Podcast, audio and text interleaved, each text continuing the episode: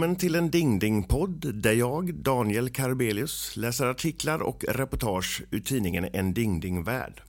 En Dingdingvärld var en tidning som gavs ut i Sverige mellan åren 1992 och 2000. Den innehöll artiklar om diverse kuriositeter och en hel del helt fabricerade reportage. De fabricerade reportagen var tryckta i svartvit och de riktiga i färg. Jag väljer ut några artiklar och reportage per avsnitt helt baserat på rubriken och läser dem för första gången i podden. Välkomna ska ni vara till detta avsnitt av en Ding-Ding-podd. Idag läser vi från nummer 1, 1996. Det kostade 23 kronor. Hoppsan! Efter 14 års balanserande tappade han nöten. Den indiska gurun gick omkring med en kokosnöt på sitt huvud i hela 14 år och hans lärjungar blev utom sig av förtvivlan när han nyligen snubblade och tappade kokosnöten som till råga på allt elände gick i bitar när den träffade marken. Gurun Dilip Rao i Indien dyrkades av tusentals anhängare som alla var övertygade om att han var välsignad med gudomliga krafter eftersom han lyckats balansera en gammal kokosnöt på sitt huvud dygnet runt ända sedan 1981. Bra år, då föddes jag. För bara några månader sedan gav han en sällsynt intervju och förklarade varför så många människor vördade honom. Folk har sett mig i alla dessa år med kokosnöten på huvudet och de säger, här är en helig man vars lära jag kan lita på. det här är en man som kan avslöja sanningen om livet. Men all kärlek och tillgivenhet Rao fått försvann i samma ögonblick som den gamla kokosnöten föll i marken och gick i två bitar. Och sättet den föll på gjorde bara saken värre. Rao var hedersgäst vid en festival som hölls till hans ära, berättar ett ögonvittne. Han var på väg mot ett altare när han plötsligt snubblade över en trumma som en av hans lärjungar glömt på marken. Han föll omkull och kokosnöten flög av hans huvud. När Rao upptäckte att den gamla kokosnöten gått sönder hoppade han raskt upp och blev som vansinnig. Han tog tag i trumman han snubblat över och kastade den på den stackars lärjungen som glömt den på marken. Han började förbanna och skrika och sparka kokosnötsbitarna på lärjungarna som skräckslagna stod och såg på utan att våga röra sig. Det var inget trevligt uppträdande och det förstörde allt vi trott på. Många av oss bröt ihop och grät. Rao själv försvann efter incidenten och har nu dragit sig tillbaka från världen. Nu har vi en bild på honom här med en stor kokosnöt på huvudet. 14 år. Ja. Vi går vidare i tidningen. Fem nya förutsägelser hittades i Nostradamus kista. Forskare har grävt upp Nostradamus kista för att studera kvarlevorna av den märkliga siarens hjärna. I kistan hittar de också fem nya förutsägelser. I två år kämpade franska forskare om myndigheternas tillåtelse att gräva upp den märkliga siaren Nostradamus kvarlevor. Nostradamus som levde på 1500-talet var astrolog och livmedikus hos Karl IX av Frankrike. Under sin livstid blev han ryktbar genom sina gåtfulla profetior och hans förmåga har sedan dess fascinerat mänskligheten. Nostradamus skrev ner ett hundratal profetior i en bok och hittills har alla slagit in.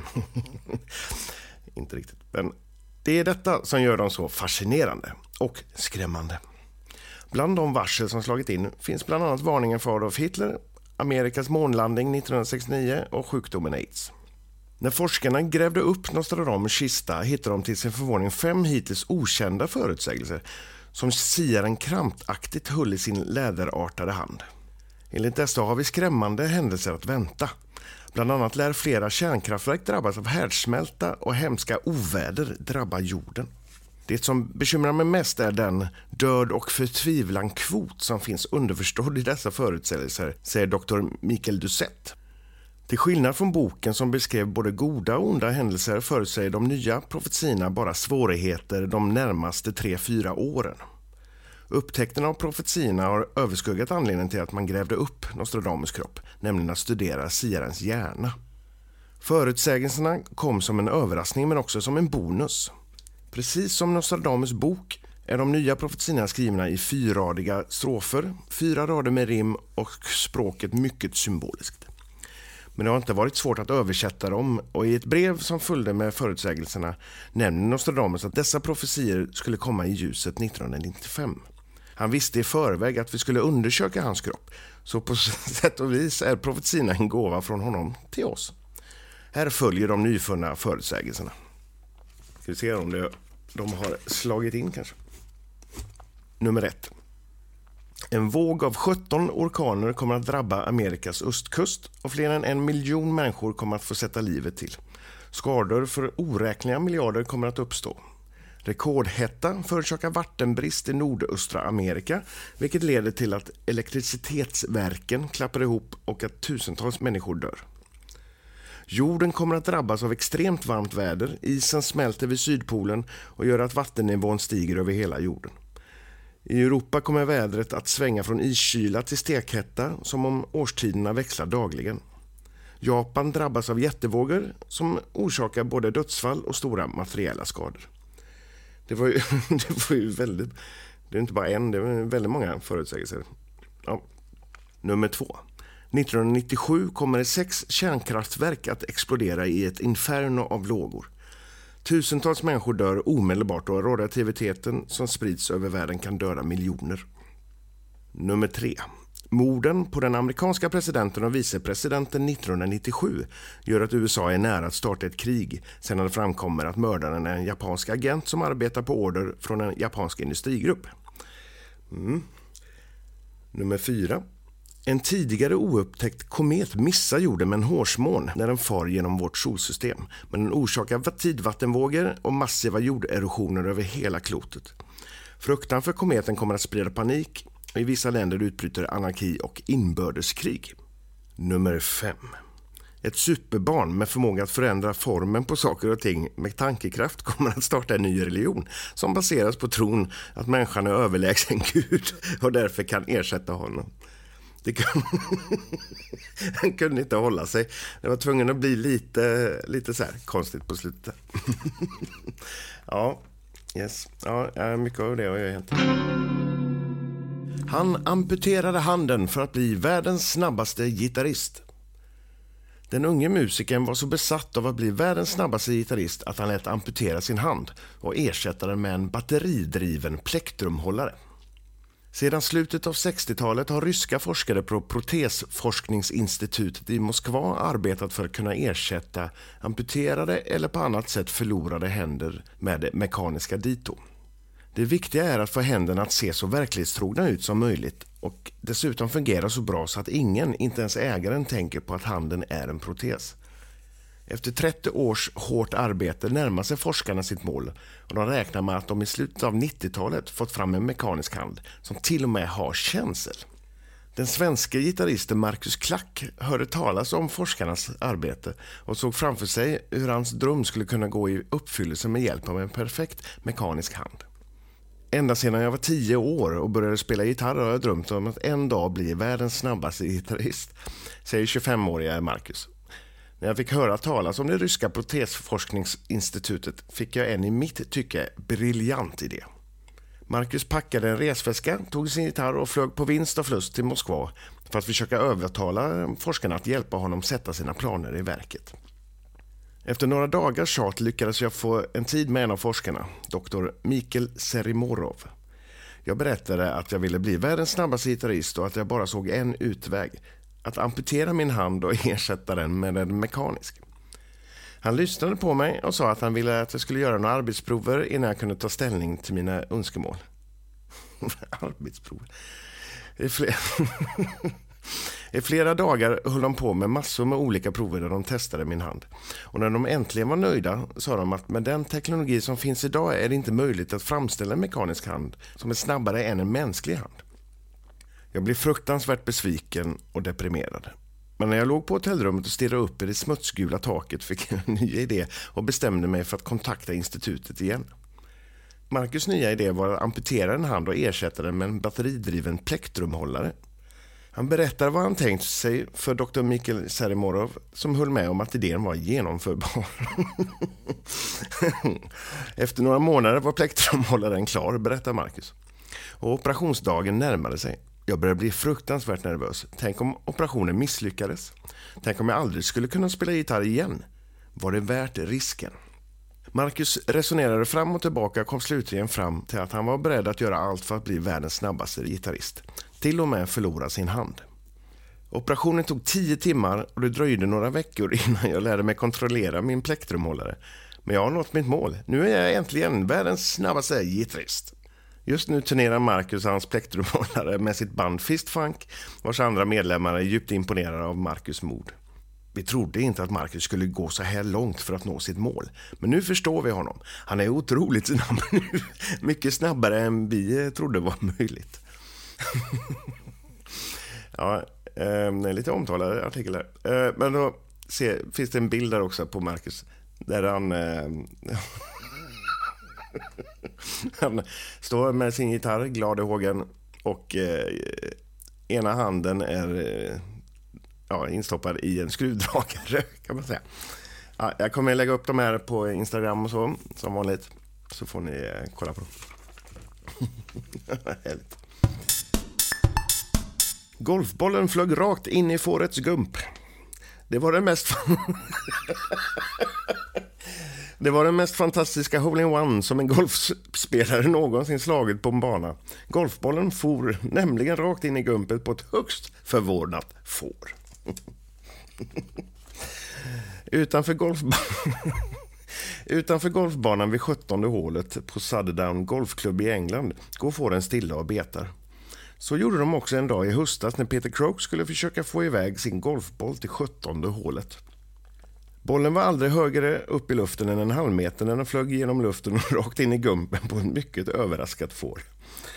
Croak och hans medspelare John Marr vek sig dubbla av skratt när de såg var bollen tog vägen. Men det skrämda fåret förstod inte det lustiga i situationen. Jag tror fan det. Fy fan. Hon slutade direkt att beta och stack iväg som en raket, berättar Crook. När fåret hoppade iväg dröjde det inte länge innan golfbollen studsade ut och den landade 27 meter närmare 17 hålet. Krog, som är rektor vid en skola i Cowbridge, svär på att han och Mar inte drar någon rövarhistoria utan hävdar att de talar sanning. Croak hade två hål kvar att spela när fåret dök upp i spelet. Sedan kontrollerade han reglerna och upptäckte att han hade rätt att spela bollen där den hamnade eftersom fåret rusade ut på, gat- eh, på eh, banan. Så han slapp straff. Croak vann matchen med ett slag, men han var snabb att ge fåret lite ära. Det är ingen tvekan om att fåret hjälpte mig vinna, säger han. Men det hade eh, förstås varit ännu bättre om hon sprungit rakt, rakt fram och släppt ner bollen rakt i golfhålet. Ja. Vi går vidare. I detta nummer av En Ding Ding Värld finns det också olika trick. Gör det själv. Vill du imponera på dina vänner med ett eller annat udda trick? Titta då här och gör det själv. Det avhuggna fingret. Det här är ett trick som kräver noggrann förberedelse men som, om det utförs väl, är nästan obetalbart. Du börjar med att hävda att du kommit i besittning av en ohygglig klenod. Det är ett långfinger från en gammal engelsk mördare som dödade åtta kvinnor under förra seklet och som straff bland annat fick alla fingrar avhuggna, ett efter ett. Ett av fingrarna har du nu i en ask. Det är mumifierat, men så fort ett offer, innan citationstecken, kommer i närheten griper fingret likväl stadigt tag i det. Nu tar du fram den lilla asken och visar efter mycket trugande upp det fruktade fingret. Sedan går du fram till närmsta kvinnliga kvinn, åskådare och ser fingret börja på det rysligaste sätt krypa och kraffla i riktningen mot den skräckslagna flickan. Mm. Tricket är mycket enkelt att utföra. Fingret är nämligen ditt eget. Du har bara stuckit in det genom ett hål i asken. Äh, är det sant? Effekterna är helt och hållet beroende på hur du genomför numret. Ju mer fantastisk din historia är och ju mer realistisk asken och hela din show är, desto blekare blir de intet ont anade åskådarna. Lite pynt i form av träöl och liknande i asken, konstgjort blod, inom parentes färg, och vax eller stearin på fingret förhöjer tricket. Medan stämningen ännu är hög och de modigaste eventuellt försiktigt har rört vid askens ohyggliga innehåll och konstaterat det avhuggna fingrets liv och styrka skyndar du dig att stoppa i asken i fickan och lämna rummet för att noga låsa in det. Så har du tid att i lugn och ro lägga undan asken och rengöra ditt finger. Ja, vilket partytrick. Bonden blev arg, anfull med gödselspridare. Bonden hamnade i dispyt med banken och tröttnade till sist på de ändlösa diskussionerna. Och när orden tröt, då var det bara gödsel som gällde. Måttet var rågat. Bonden David Cannon satte sig i bilen, åkte hem till gården och laddade sin gödselspridare. Snackar de skit ska de få skit tillbaka, tänkte han. Menar, eh, tänkte han. Men gödselspridaren bak efter traktorn körde tillbaka mot Newcastle och National Westminster Bank. Banken hade misskött hans affärer och fört honom bakom ljuset, menade han. Inga argument bet, men nu skulle de få se. Två mil senare körde David upp framför banken, parkerade och startade spridaren. Ni kan ju själva föreställa er, säger en polis som senare grep den upproriska bonden. Hela banken täckt av stinkande skit. Det var fruktansvärt och det tog tid att få bort. David åtalades och dömdes till böter för skadegörelse och för att ha hotat en polisman. Ångra sig gör han dock inte. Jag var frustrerad. Jag var tvungen att göra något, säger han. Annars hade jag gått sönder inombords. På banken är man idag i viss mån förestående... På banken idag är man i viss mån förstående inför tilltaget medger att man må hända behandlat herr Cannon alltför nonchalant. Men som eh, bankdirektör Alan Bell säger, vi föredrar dock om kunderna kommer in och talar med oss. var så jävlar. Så finns det, det finns några bilder här och då...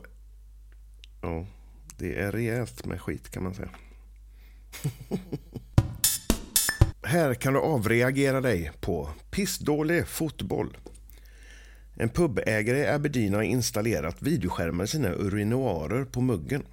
Här visar han hemmalagets usla fotbollsprestationer och låter gästerna avreagera sig bäst de vill. Skotten Mike Wilson är en handlingens man. Han gillar fotboll och håller förstås på hemmalaget Aberdeen FC. Men spelar gossarna dåligt blir Mike arg och då ska de straffas. Eller åtminstone bokstavligen klä skott för uttrycket pissdålig fotboll. Gästerna på puben får med sina slaggvätskor visa vad de tycker om dåligt spel och tuntiga kommentarer efter matchen. Och har det gått riktigt dåligt är det faktiskt lång kö. Då vill alla in och tumma blåsan. Men ska sanningen fram är det inte bara videor på hemmalaget Aberdeen FC som Mike visar. Som den sanne supporter han är, är det minst lika ofta video på värsta konkurrentens fotboll som visas på dasset på Paramount Bar Glasgow Rangers. Till och med damerna köar till herrarna, säger Mike. Vad det nu kan bero på. Jag får nog ta och installera tv-monitorer i damrummet också. Nu är det för övrigt inte bara fotboll där gästerna erbjuds eh, låta sitt vatten på. Mike har även video med politiker som John Mayer och Michael Portillo, så alla får sin beskärda del. Tilläggas bör kanske att idén alls inte är ny. Redan under andra världskriget gick det att köpa pottor i England med Hitlers porträtt i botten. Den kvinnliga bilisten svårt chockad. Jag körde över en ängel. En hemmafru avslöjar chockerat och förbryllat att kvinnan hon körde på och dödade reste sig upp, borstade av sig och flög tillbaka till himlen.